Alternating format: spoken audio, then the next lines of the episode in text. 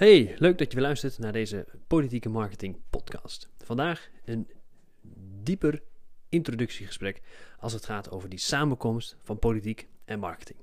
Politieke marketing. Mondvol, maar we gaan vandaag eens even proberen wat te duiden.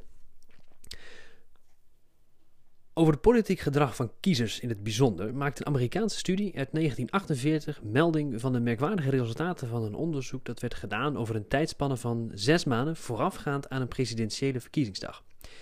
Die resultaten waren als volgt. Nadat allereerst van alle proefpersonen de initiële politieke voorkeur werd bepaald, werd daarop volgend maandelijks dezelfde vraag gesteld: Stemt u Democraat of Republikein?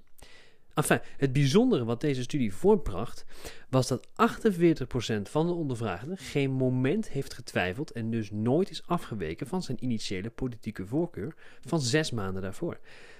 Slechts 8%, 8 herzag zijn initiële stembesluit.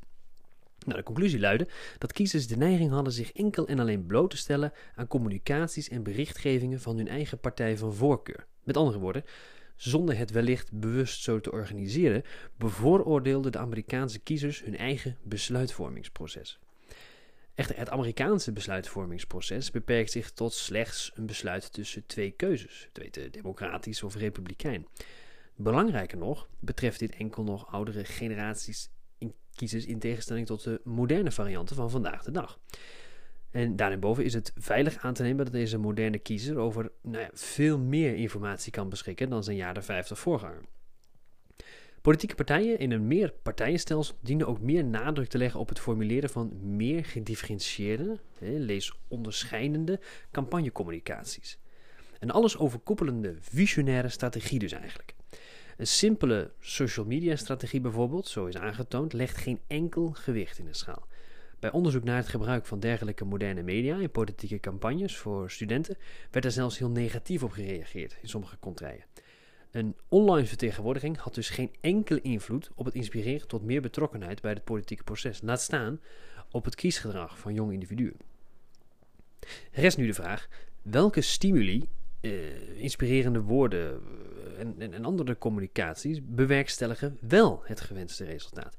Welke invloeden en berichtgevingen van politici vormen het proces van besluitvorming van kiezers? Verschillende onderzoekers prijzen een verdergaande synergie van politiek en marketing, een, een huwelijk zo gezegd. Dat staat voor een betere definiëring van de waardepropositie van de politieke partij en dienstprincipes. Tevens staat het huwelijk voor een effectievere differentiatiestrategie in de perceptie van de kiezer, kortom een heldere positionering met een overeenkomende marktoriëntatie. Deze oriëntatie fungeert als strategisch profiel voor partij en partijleden om aan de hand daarvan communicaties op te stellen met de partij zijn uh, potentiële achterban, om deze te enthousiasmeren, wellicht zelfs wel om huidige en nieuwe kiezers gerust te stellen van de onwankelbare principes van de partij. Wat houdt deze communicatie precies in? Hoe wordt deze opgesteld? Hoe verhoudt het zich tot de strategische profilering? Hoe zal het inspireren? Hoe wordt dit ervaren door de doelgroep? Nou, simpel. Door het hart te veroveren en de geest te bezielen. En daarin bovenal recht te doen aan de politiek-emotionele teneur van het moment. Op algemeen en individueel niveau. In andere woorden, door een compromis te vinden tussen massa en meer specifieke, gerichtere vormen van marketingcommunicatie van politieke partijen uit. Nou, dit alles tezamen is bepalend voor de kiezer zijn besluitvormingsproces, met als cruciaal onderdeel van zijn attitudes van zijn stemgedrag. In een hoogst gefragmenteerd politiek spectrum als het Nederlandse zijn differentiatiestrategieën nooit eerder van een hogere nood geweest eigenlijk. Nou, dat is dus een leidraad voor politieke marketing. De eerder beschreven synergie tussen politiek en marketing, dat huwelijk tussen de twee, is inmiddels een onomkeerbaar gegeven. Het product dat een politieke partij aanbiedt, bestaat in de basis uit een set principes van de partijleden en top hopen dat deze weerklank vinden onder het electoraat en voor hen dus vertaald kan worden naar een, een, zekere mate van invloed in lands politiek.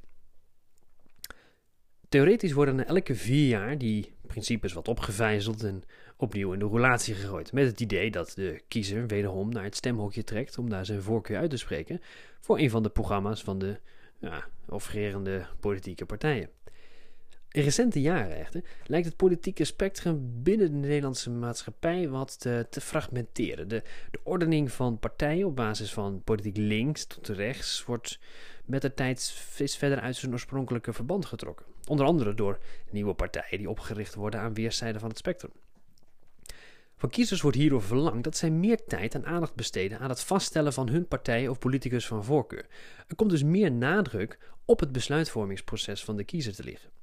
Of dit proces nu cognitief van, van opzet is, wat inhoudt dat er op nauwgezette, rationele wijze geanalyseerd en besloten wordt, wat het beste aansluit bij dat individu, uh, diens directe omgeving en diens perceptie van de staat.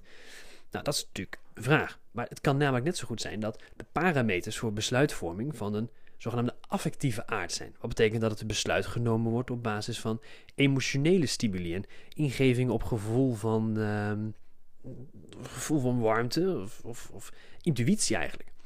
Of de kiezer stelt zijn stembesluit op aan de hand van een, een gedragsmatig patroon, bijvoorbeeld uit partijtrouw of uh, lidmaatschap of onverschilligheid of gemak.